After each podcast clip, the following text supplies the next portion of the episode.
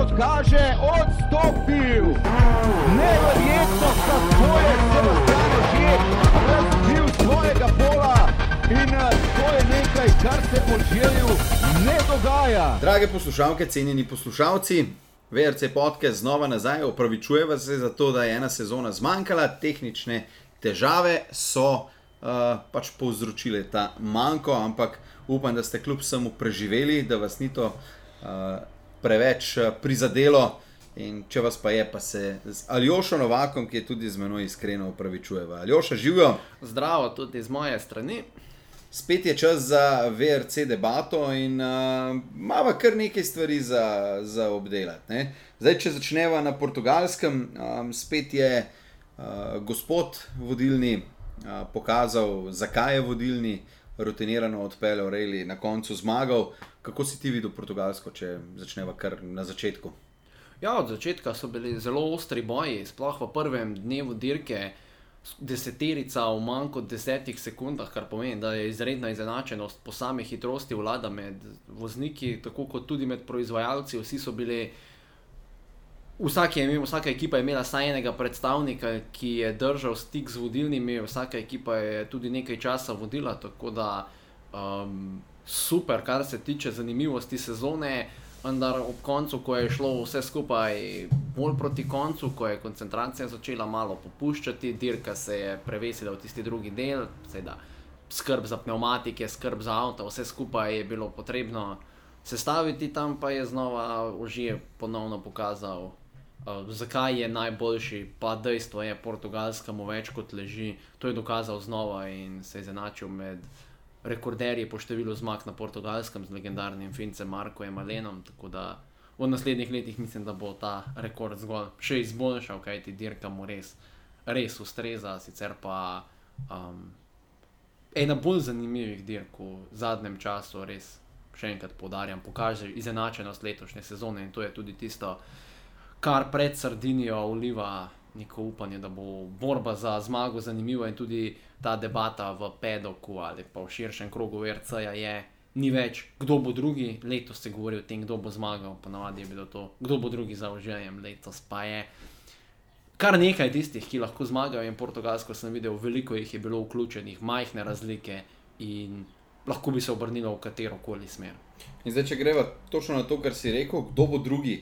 Uh, drugi na portugalskem, Tirino Vil, in če zdaj gledava nekje v neki teoriji pred uh, polovico sezone, tudi eden izmed tistih, ki ima najbolj realne možnosti za uh, boj, um, za boj z ožejem, za recimo naslov prvaka. Ja, v bistvu se je to prevesilo v dvoboj, kar se tiče naslova prvaka, kot so omenila posamezno dirko zmaga, lahko marsikdo med tem, ko boj za naslov bo se odločil med dvema, to sta že in novel. Škoda tistih napak, ena je bila neumnost v začetku sezone, dobro, Monte Carlo, upravičeno švedska neumnost, težko upravičljiva, vendar kljub vsemu. A, če se to ne bi zgodilo, bi bil lahko slika drugačna, vendar ni in mislim, da je dvoboj med temi dvemi vozniki se bo moral odločiti. Je pa Terino Vil res v fantastični formi letos, tudi zanesljivost v dobro, z izjemo prvih dveh dirk, vse ostalo super predstave. Tako da med tema dvema voznikoma bo boj, kdo bo imel več smole s tehniko, kdo bo napravil neumnost, bo pa odločilo nadaljevanje sezone, vendar je zelo, zelo tesno in napeto. Ja, zdaj, po mojem mnenju. No. Fantastična serija, novila, dve zmagi, drugo mesto. Uh, vsi so nekako, nekako računali za kakšen hat-trick, mogoče, če bi mu uspel, ampak ni bila Portugalska tista, kjer bi to lahko dosegel. Enostavno ni bil dovolj hiter, zmanjkalo mu je v direktnem dvoboju z užijem in bil je prepočasen. Enostavno užij je bil tistih nekaj sekund po hitrostni preizkušnji hitrejši, vendar to je bila ena tistih dirk, kjer so se fanti, predvsem ta dva omenjena akterja, res vozili na meji, res tisto pravo dirkanje. In tvegali so, vendar že je bil hitrejši, tudi v preostalih dneh je dobro hranil pneumatike, odlično delo z dirkalnikom, tudi napredek s strani M-Sporta je bil viden, da so popravili nekatere napake na festi, ki so jih pestile v preteklih dirkah, tako da res super ekipna predstava. Na koncu konca dobil je povsem nov avto. Ja, enostavno. Um, Nekaj dirk je stari dirkalnik že dal čez finančne možnosti, so očitno M sportu dopuščale, da je zgradil nov dirkalnik. kajti Izdelava takega dirkalnika, vemo, stane, ne glede na to, da gre za pol tovarniško ekipo, kot bi re- kdo rekel, ja, saj sami to izdelajo, ja, vendar vse te dele in ure in vse ure dela in vse mora nekdo plačati, tako da izdelava takšnega dirkalnika stane saj nekje okrog pol milijona evrov ali več, kupimo ga za več, vendar koliko stane ekipo, ne vemo, tam nekje. In finančne možnosti so dopuščale, nov avto se je izkazal za dobro naložbo, pripeljal jim je zmago, tako da že dvakrat z novim avtom, letos dve zmagi, Monte Carlo in pa Portugalska. Za njim pa na portugalskem Dani Sordo presenečenje ali ne?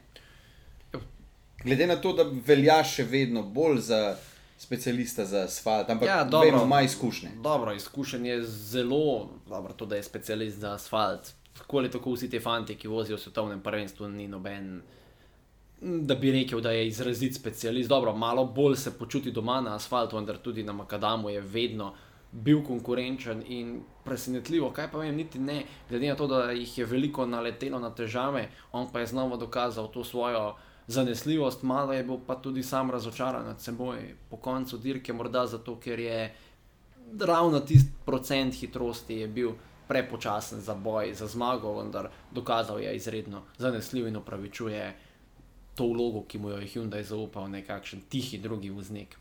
Nekdo, ki v letošnji sezoni ne dela napak, pa si jo je privoščil, uh, je Ojd Tanak. Um, mene je ta njegova napaka malo presenetila, ker sezona je bila, kar se njega tiče, uh, optimalna na nek način. Brez napak, imel je hitrost, zanesljiv je bil. Uh, dejansko je bil tako, neka tiha voda letošnje sezone. Za Ja. razliko od prejšnjih let. Ja, v prejšnjih letih je delal bistveno več napak, uh, sploh v tisti prvi sezoni, ki jo je imel pri M-Sportu, tam je bilo res izrazito nihanje, od tega, da je sposoben biti daleč najhitrejši, do potem tistih neumnosti, to je sedaj odpravil, vendar dobro. To je dirkanje na sami meji, napake se enostavno dogajajo, nič kaj, kar bi mu zamerili, vendar morda malo slabše zaradi lastnega izkupička, kajti tudi eden tistih, ki bi potencialno lahko vplival morda celo na boj za prve tri mesta v sezoni. Tu si sedaj malo pokvarjen, vendar sezona je še dolga. Tudi za ekipo M-Sport sicer takšne napake niso najboljše, vendar dobro, tudi to se zgodi vsakemu, vse nič kaj, kar bi rekel, da je sedaj kritičnega. Uh, kot si opazil, greva po lestvici na vzdolj na portugalskem.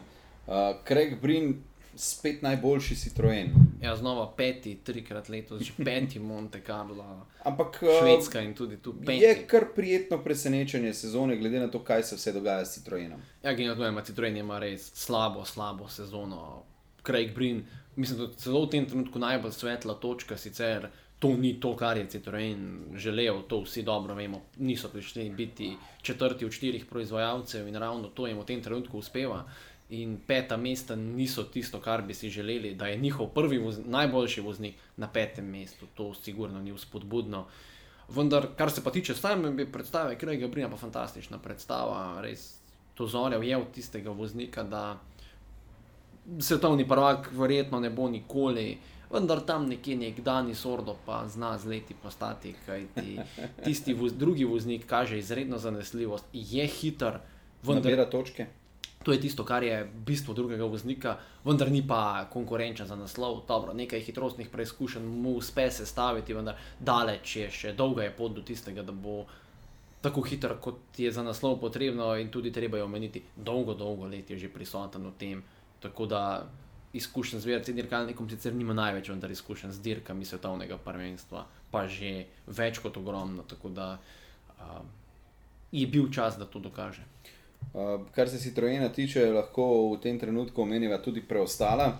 Lefebvre 13, Kris Mik pa spet nekje tam zadaj, brez točk.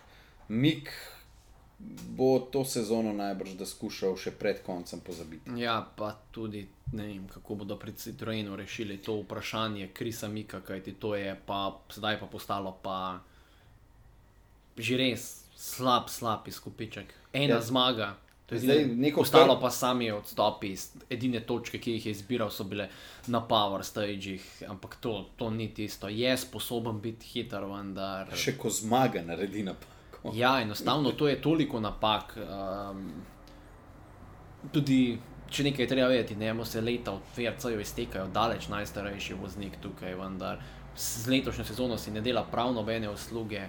Um, Kaj ti ja, hitrost v redu, je hiter, vendar Rejli se točkuje na koncu dirke, ne po tretji hitrostni preizkušnji. Marsikaj pove tudi to, da dejansko bo Citroen sredi sezone sedež za zdaj za eno dirko ponudil, ponudil Andreasu Mikasnu. Ja, to to sem- najbrž je neka napoved eh, prihodnosti pri Citroenu. Ok, Mik ne bo za Sardinijo izgubil sedeža, je prvi voznik še Ja, na to vedno. sem se mislil sicer vrniti nekoliko kasneje. Lahko predstavimo na kasneje, ni Ker tu problema. imam tu potem tudi teorijo za nekaj takšnih stvari, Uh, zanimivih, ki, okay. ki jih bi omenil v zvezi s to menjavo, vendar Kris Mik, ne vem, če bi bil vodja Citroena, bi se z njim temeljito pogovoril.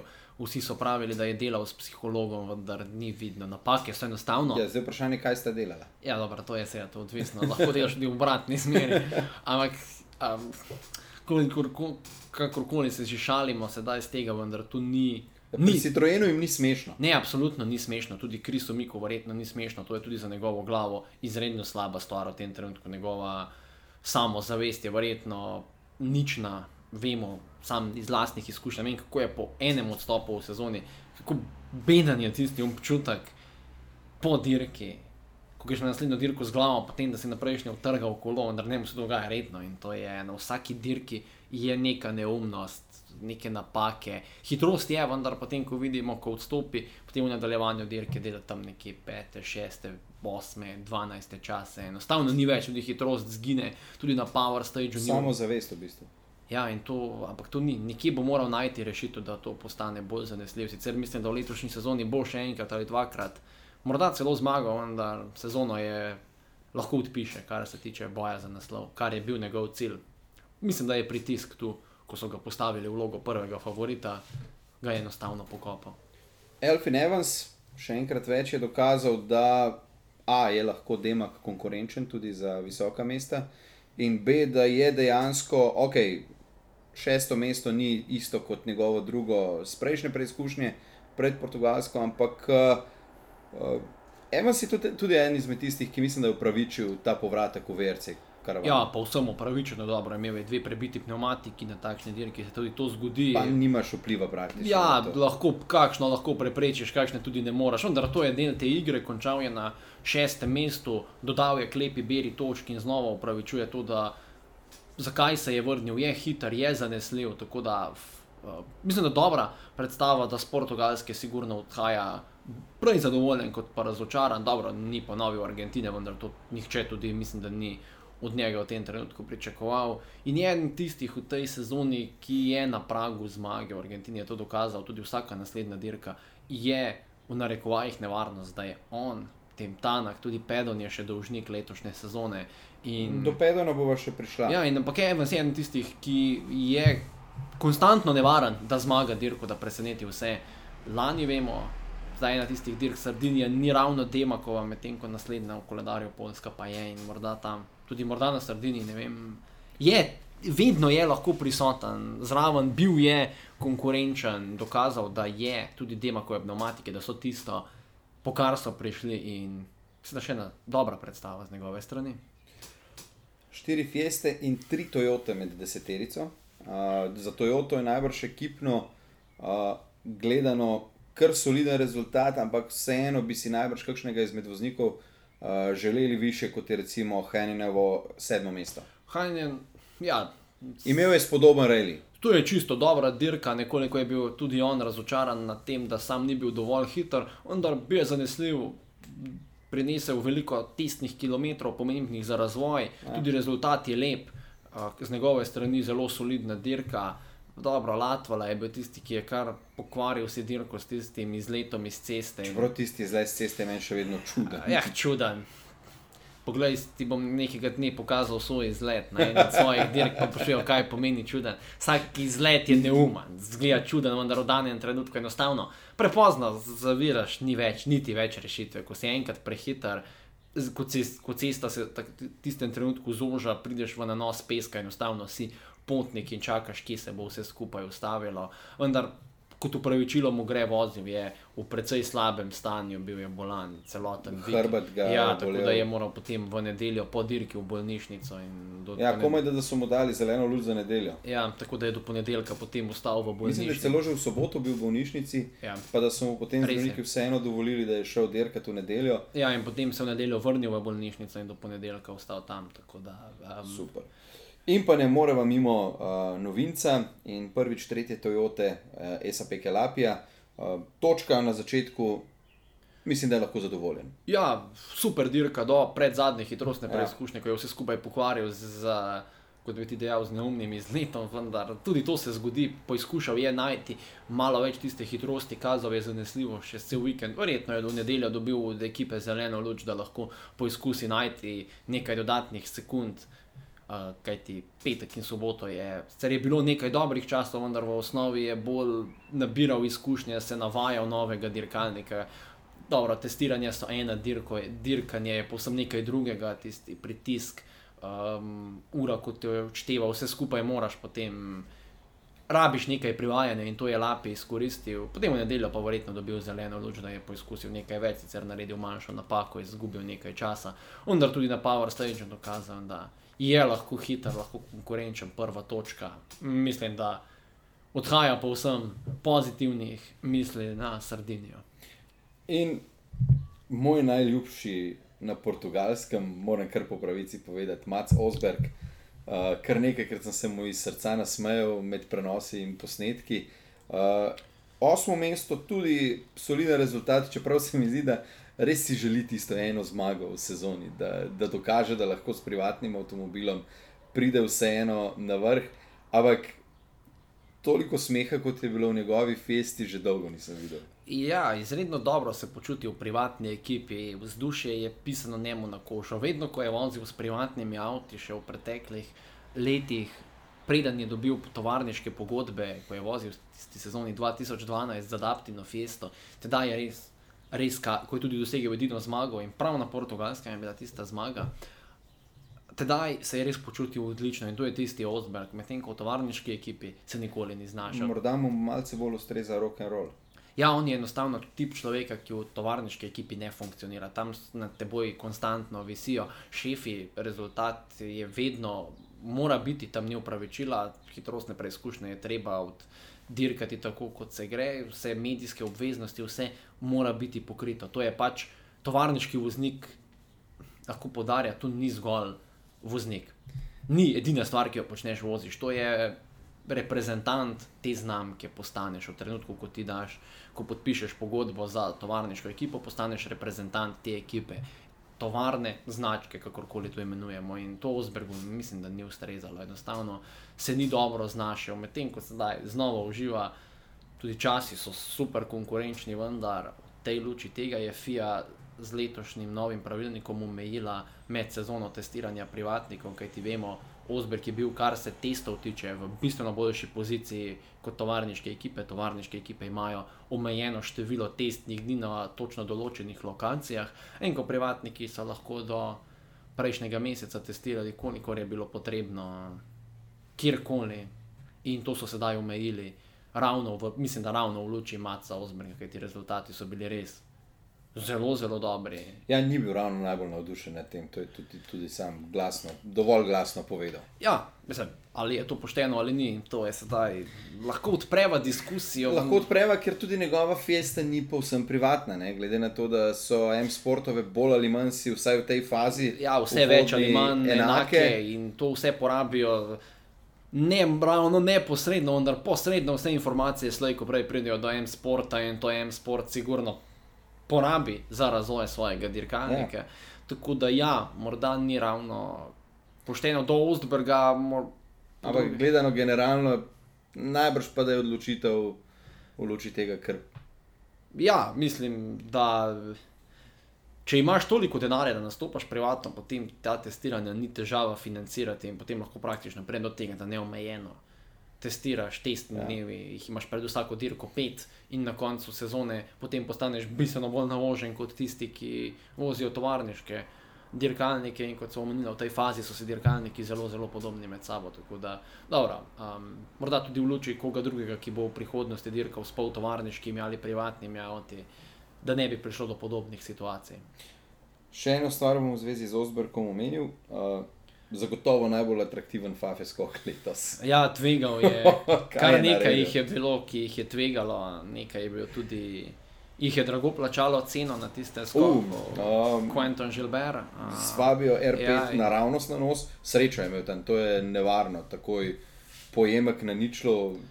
Ja, zelo grd pristanek, tisti, skok, ko je tako imenovano šus plato, tisto zaščitno ploščo pod dirkalnikom zabilo v zemljo, je dirkalnik enostavno ustavilo na nič, potem prevrtelo še preko strehe, tako da zelo, zelo grd odstop. Sreči sta jo so voznikom odnesla brez kakršne koli poškodbe, vendar dirkalnik mm, je bil kar hudo poškodovan, kar grda nesreča. Um, in opozorilo vsem ostalim, tako da Ostberg in še nekaj jih je bilo, so na tem skoku kar veliko tvegali, lahko bi se končalo precej drugače, ni bilo več daleč in mislim, da si v prihodnje ne bo privoščil več. Ja, ni nujno. Ja, Ne, dobro, dokler ne bo enkrat potem na skoku plačal ceno, potem Ja. pa se bo malo zamislil, ker to je res zelo, sicer vemo, tanka je meja med tem, da izgubljaš čas, da si optimalen preko skoka. Ja, Tistih nekaj sto metrov sta se zelo, sploh nista več, Flone sploh ni več gledal zapiskov, ampak sta samo se še Ja, smejali. dobro, to je zgolj do cilja, točno Dobro, vejo, kako, vinek, ampak kako čaka, kako točno gre tista cesta, ve in enostavno je užival je v tem, vendar če bi se kaj zgodilo, mislim, da, Ne bi bilo toliko da smešno. ja, z precej drugačnih izrazov bi jih videli. Tako Preden, preden se um, posvetiva Mikkelsnu Citroenu, bova pač omenila še Hejdna Pedona, glede na to, da so ga nekaj že omenjala. Um, tudi on je predčasno končal, uh, reli po portugalski, ampak tokrat uh, ni bila to njegova krivda. Zdaj se mi je uh, sproščen bolj kot na prejšnjih relih.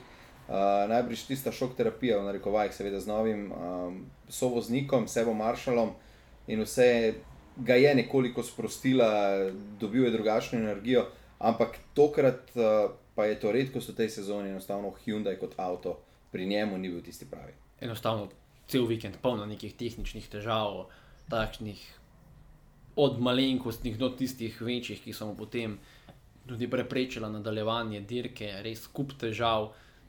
In res težavna sezona za Pedona se nadaljuje, morda ta terapija z novim sovoznikom, tudi od sedaj naprej bo vedno sedel zraven Seb Marshall. Ja, to je bilo uradno tudi potrjeno Ja, sedaj. ker Čeprav je bil predviden za fins, po ja, finski. Po finski, Kenard si je želel še odpeljati Finsko, vendar to ne bo šlo zaradi njegove poškodbe kolka, tako da se je odločil, da predčasno zaključi sezono, morda tudi kariero in to sigurno bo vplivalo na pedona, do kakšne mere bomo videli. To so zelo kompleksni odnosi, menjava sovoznika. Iz vlastnih izkušenj vem, ni lahko prinese neko novo energijo, na dolgi rok Kaj vem, enostavno to se bo pokazalo s časom, ali bo uspešno ali ne, vendar Penom bo moral se najti v letošnji sezoni, narediti kakšno dobro dirko, kajti to sigurno ni dobro za njegovo samozavest in motivacijo pred nadaljevanjem sezone in pa tudi kariere, kajti tako slabe sezone v svoji karieri še ni imel. Vedno so bile dobre, vedno je šlo samo na gor, vendar tu se je ustavilo kot v vsakem športu, pri vsakem športniku nekje gre navzgor, potem pa se vse to skupaj ustavi in treba je najti pravo pot. Bomo pa videli, kako mu bo s pomočjo ekipe to uspelo.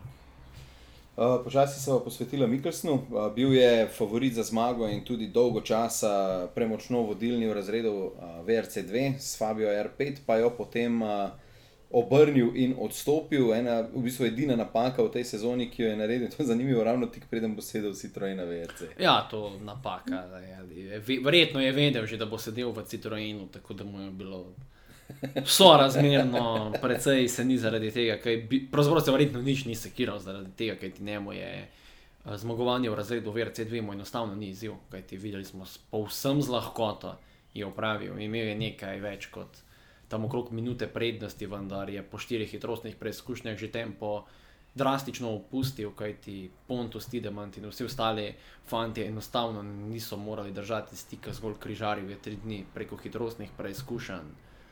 Če bi želel, bi lahko z občutno večjo prednostjo opravil s konkurenco, ampak kar nekako sem dobil občutek, da mu to ni tisti pravi izziv. VRC2 pride, naredi 4-5 dobrih časov, potem pa tempo umili, vozi v krog in mislim, da je vedel že tekom relija po portugalski, da bo sedel v Citroenu in enostavno se prav, prav nič kaj dosti ni zaradi tega odstopa sekiral tudi.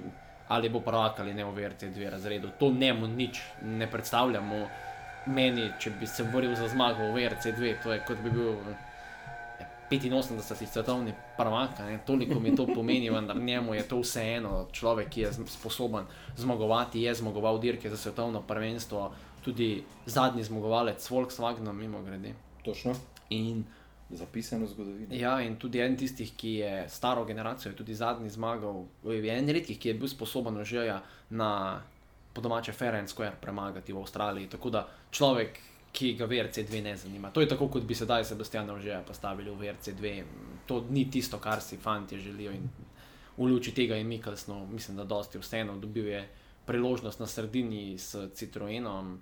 Tudi pogovori so za nadaljevanje, sicer v letošnji sezoni mislim, da ga ne bomo več videli, kaj ti vemo. Pogodba Krisa Mika veže, tudi Stefan Lefebvre in Craig Brin imata določeno število dirk dogovorjenih, podpisanih s pogodbo, torej vse do konca. Razen od začetka niso imeli dovolj dirkalnikov, zato so Mehiko in Argentino Kombinirali. kombinirali tudi Švedska in pa Monte Carlo s starim dirkalnikom. Zdaj imajo vsi trije do konca podpisano, v tej luči ga mislim, da ne bo več, kajti dobro. Lefebvre je za eno dirko še dopusti, potem pa seveda ne, kaj ti želiš nastopati, želiš dirkati, tudi osebni sponzorji ti predpisujejo, želijo imeti svoj čas na televiziji, svoj čas na slikah, vse tako. Um, tako da, kaj ti vemo, Lefebvre in Brinsta si s svojimi sredstvi pomagata pokrivati sezono in to zahtevajo od njih prisotnost. Dobro, za eno dirko se da najti dogovor, potem morda bo peljal na kakšni nižji ravni z Citroenom in tovarniškim, recimo R5, vendar za nadaljevanje te opcije ne bo, kar se pa Mikls tiče. Dolgo si je želel to, dobil je priložnost na novem dirkalniku in kar videno po posnetkih iz testa, se z, v prvem poizkusu zelo odlično ujel z dirkalnikom. Misliš, da mu ustreza ta nova generacija? Glede na slog, glede na vse. Ja, ustreza, sigurno mu testiral je že pola VRC za nove generacije, tedaj, ko, še, ko so ga še razvijali, tisto 2017 generacijo, tako da pozna karakteristike dirkalnika, vozil je že stare VRC dirkalnike, tiste z 2-litrskim turbomotorjem, tako da izkušnje s centralnim diferencialom ima, z aktivnim centralnim, kako to deluje, vozne lastnosti, so mu jasne, vozil je dovolj let VRC, tako da gre zgolj za napredek, to ni neka povsem novo odkritje, te letošnji dirkalniki, gre za napredek, boljš, le boljši in močnejši so od tistih starih, tako da s tem ima izkušnje, uh, dobro štartno pozicijo bo imel na sredini. Na to se je tudi, to je tudi sam omenil. Je imel bo res odlično štartno pozicijo, kar se tiče letošnje sezone. Za vsemi bo vozil, kajti v RC2 sicer je redno dobival tudi točke, vendar enostavno ni toliko vozil, da bi jih nabral dovolj, da bi se umešal v kakšno više štartno mesto. Um, sigurno prav velikega pritiska ne bo, kajti ve, tako je tako nima česa doseči, kar se tiče celotne sezone, vendar lahko je zgolj najboljši Citroen. Hipotetično.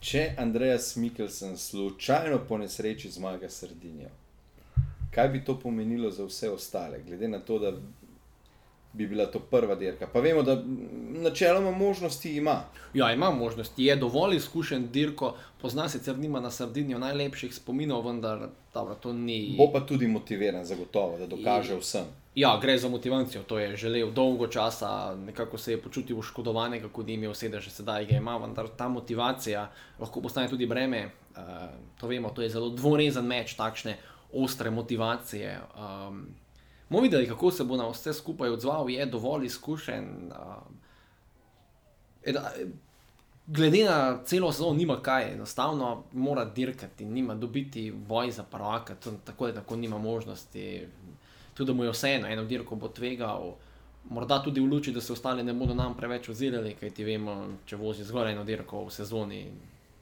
Tudi če je zmaga, ni nikomor, ne skače v zelje, enostavno to so točke za prvenstvo več vredne kot brez glavo tvegati v boju z nekom, ki pelje eno dirko.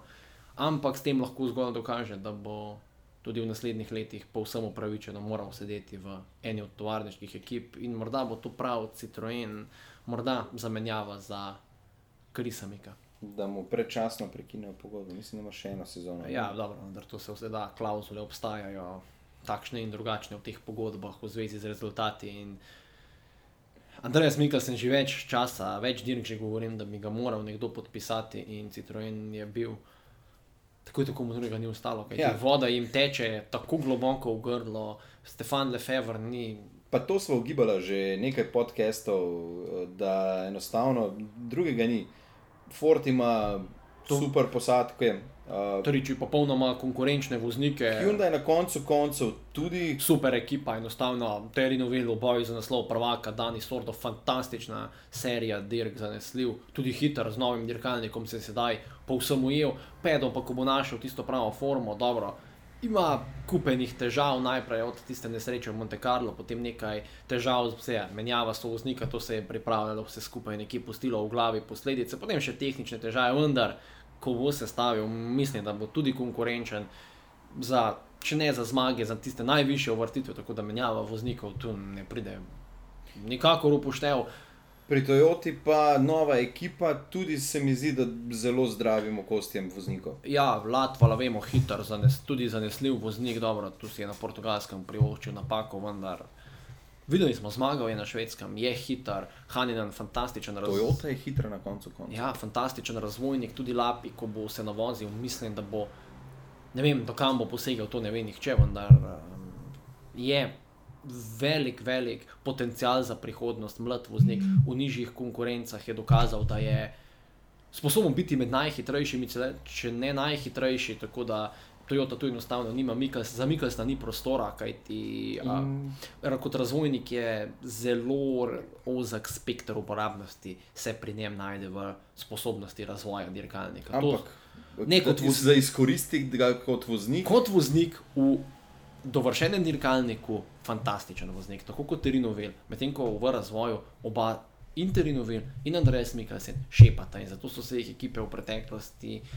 Morda tudi v luči tega so se v 27 sezoni 2017 Mikkelsnu odrekli, ravno zaradi tega, ker rabiš nekoga, ki ti skozi dirke daje tisti feedback inženirjem, da potem ustvarijo za naslednjo dirko, dve, tri, boljši dirkalnik, da narediš tisti korak naprej. In v tem je Haninen, recimo, v tem aspektu ga Toyota drži pri sebi, kaj ti da jim lahko Ogromno. ogromno več. Dobro, rezultati so eno, vendar če ti letošnja sezona tako je tako za Toyoto, je prva. Niso niti pričakovali tako zgodaj zmage. Ja, dejstvo. tudi tako konkurenčnega dirkalnika mislim, da se niso obetali. In v takšni sezoni, enostavno z dobrim testnikom, je bolj pomembno, da bo v sezoni 2018 pa dirkalnik tisti pravi za borbo za naslov. Tako kot je dejansko Hyundai stopnjeval razvoj svojega i30. Ja, in vemo, kdo je bil v prvi sezoni pri Hyundaiu zraven. Juho Haninen. Juho Haninen. In pa še en Brian Buffet. Da, ja, ja No in potem, ko smo v luči Mikkelsna, ostane samo in edino še Citroen.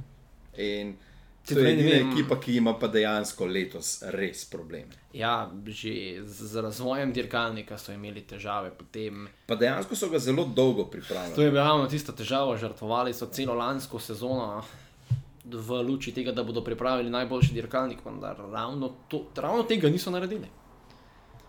E, spet težava, testniki, kdo je testiral, vemo, Stefan Lefebvre, pa vsem brez izkušenj, mlad dirkač, nima, dobro, je dirkal nekaj let, vendar zverce dirkalniki, predvsej premalo izkušenj.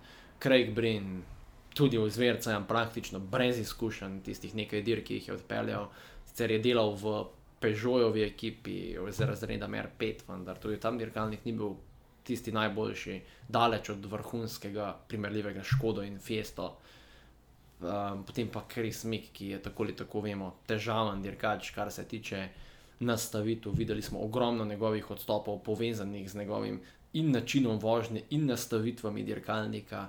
In če imaš tri takšne testnike, je težko doseči optimalen rezultat. Vemo, pri Fordu so imeli vedno odlične testnike, najprej, preden so dirkalnik sploh ponudili dirkačem, ga je testiral Matthew Wilson, sin Malcolma Wilsona. Res, kot dirkač ni bil nek presežek tam nekje, konstantno se je vozil okrog osmega mesta, vendar kot razvojni dirkač in testni voznik. Kar sem slišal, kar pravijo, vse M-sportove dirkalnike je razvijal on in vemo, da so vsi povsem konkurenčni, najboljši v svojem razredu. Tudi Bentley, ki ga imajo za krožno hitrostne dirke, tudi pod njegovo taktirko zraste v dirkalnik in iz v prvi sezoni rado fantastičen avto, tako da moža kar ve, zakaj se gre. In preden posadijo voznike, dajo to, pravijo razvoj z njim, potem pa nadaljujejo ožji in podobni vozniki, ki sigurno doprinesejo k temu, vejo, zakaj se gre, se bo vseeno že sigurno en tistih, ki res obvlada to in ja, v luči tega Citroenu res ni ostalo drugega, pač v tej sezoni podrlo se jim je vse mik. Slabe predstave, dobro, Mehiko je zmagal, ostalo so same ničle, Lefebvre, slaba predstava, mislim, da so računali več. Craig Brin, sicer še najboljši, vendar peta mesta, kot sem že omenil v začetku podcasta. Ni dovolj za Ne, ni dovolj in enostavno do, dobili so priložnost, morajo jo izkoristiti, morda celo v nadaljevanju, pridejo štirimi dirkalniki, potem nekoga postavijo v drugo ekipo, da ni nominiran za točke. Kakorkoli nekaj bo treba. Citroen mora najti rešitev še pred koncem sezone, če, še ne, če ne želi biti čisto zadnji, ker jim v tem trenutku pa kaže, da so povsem zadnji, četrti od štirih proizvajalcev. To ni tisto, kar so si želeli, glede na leto premora. No, in to je Citroenov problem, ki ga bodo reševali, kakor vem, znajo. Mislim, da so, kar se VRC tiče, iz, iz, izčrpala praktično vse. Um, morda par besed še pred Sardinijo. Uh, še eden izmed tistih, uh, kar malce tradicionalnih relijev. Ja, postavi je zadnje leta kar tradicionalen, sicer veliko se govori o menjavi lokacije v italijanskem, a, mislim, v Italiji, na italijanskem reliju. Kajti vemo, Sardinija se je pridružila leta 2004, predtem je bil Sanremo najprej makadamski, potem dolgo časa je potekal v Toskani in potem so se selili v Sanremo. Potem je asfalt, makadamsko podlago zamenjal asfalt, postala prava asfaltna klasika, potem organizator ni dovolj našel dovolj financ, dirko so preselili na Sardinijo, aj se je tradicionalno kar prijela, vendar vedno so želje po vrnitvi v Toskano zaradi samih hitrostnih preizkušenj Sardinija. Vemo, gre za avtomobile izredno naporna dirka, tisti uh, skalnati makadam, ni tisti fin, utrjen, ampak mehak, ogromno skal, ogromno tistega peska, tako da dokaj počasne hitrostne preizkušnje, zahtevne za dirkalnike. In želijo nekako Toskano, tudi, pa tudi zaradi logističnega problema, kajti dirka je na otoku in iz tega naslova so razmerno malo lokalnih posadk. eh, Pridete. Tudi, ja, tudi um, tisti zver C2 Sardinija jim ne paše med najljubše dirke. Medtem ko med dirkači VRC razreda zelo priljubljena, tudi med gledalci ena bolj priljubljenih, veliko se da videti, um, zelo blizu si lahko sami akciji, tako da iz tega naslova pa Sardinija izredno priljubljena. In že za letošnjo sezono je bilo govora, da ne bo več, pa so jo še za dve leti podaljšali dogovor italijanske zveze, organizatorja in tudi promotorja razreda VRC. So našli neki skupen dogovor, da dirka ostaja do nadaljnega na Sardini, tako da bom pa lahko vam v septembru več pojel, ko se udeležim dirke za makadansko prvenstvo, ki tudi poteka po teh hitrostnih preizkušnjah. Sicer v, v krajših izvedbah, malo No, spremenjenih. ampak za občutek dobiti, kaj Ja, vozijo ti vidimo, fantje, bo... da vidimo, kaj ti fanti vozijo, tudi uh, kako izgledajo te cestišča, kako je to naporno. Bomo videli v septembru, sam se udeležim, krajši dopust in pa dirka, tako da super. Pametno. Uh, in bomo potem več pojel lahko iz prve roke v teh hitrostnih preizkušnjah.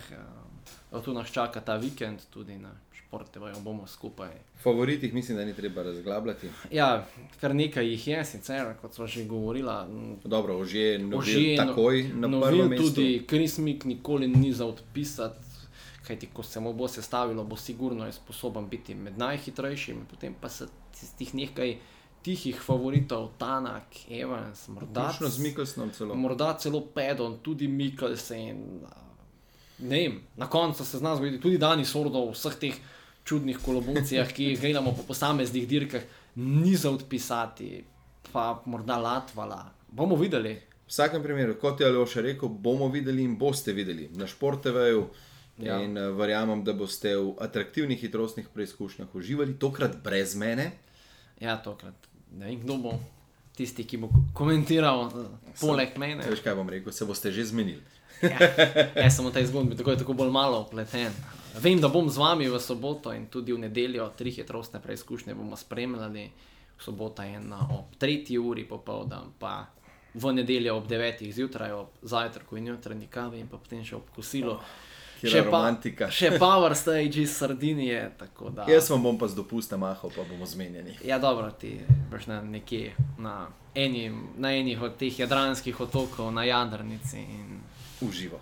Prav nič ne bo hudega. Ne, bom pa preveril rezultate, mogoče celo skušal ujeti kakšen uh, prenos in malo pokontroliral, kako kolegi opravljate svoje delo. Šalo na stran, uh, hecam se, eh, da me ne bo kdo resno vzel, sploh pa šefi. Uh, tako da lepo se majte, uživajte, spremljajte VRC na Šport TV, spremljajte Šport TV podcast Aljoša, hvala, ker si prišel.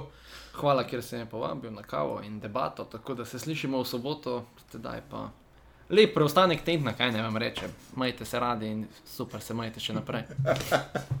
Živijo.